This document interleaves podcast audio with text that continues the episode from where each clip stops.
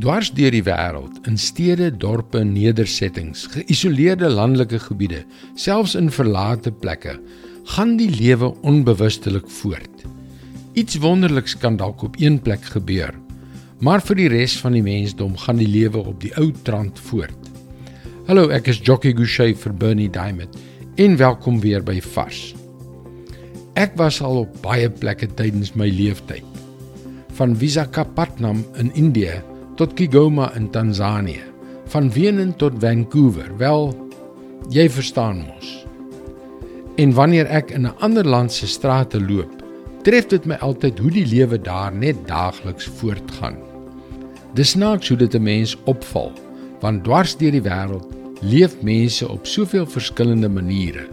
Hulle het nie net ander kulture nie, hulle omgewings is anders, hul kleredrag verskil.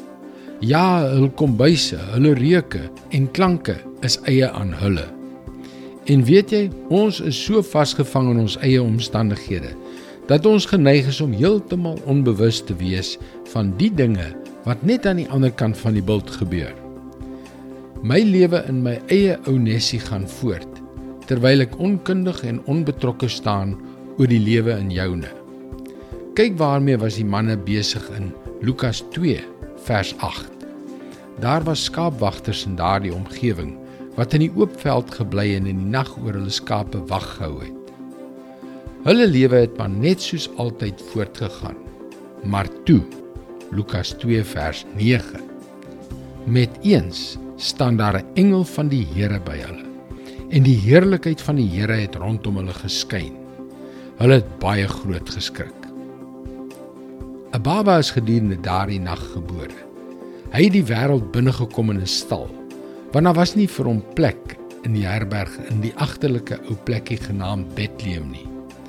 Maar toe, skielik, onderbreek daardie oënskynlike onbeduidende geboorte van 'n baba met 'n baie algemene en bekende naam, Jesus, die lewens van daardie herders op 'n skouspelagtige manier.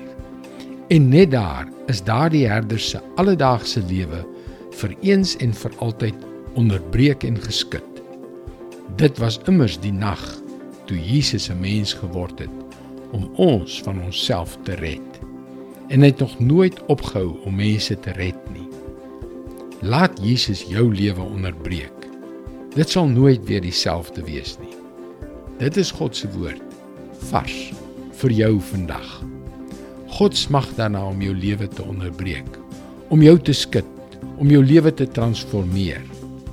Jy kan gerus laat weet as daar enige onderwerpe is wat jy graag wil hê ek moet bespreek. Laat weet my asseblief by teachingtopics.org. Mooi loop. Tot môre.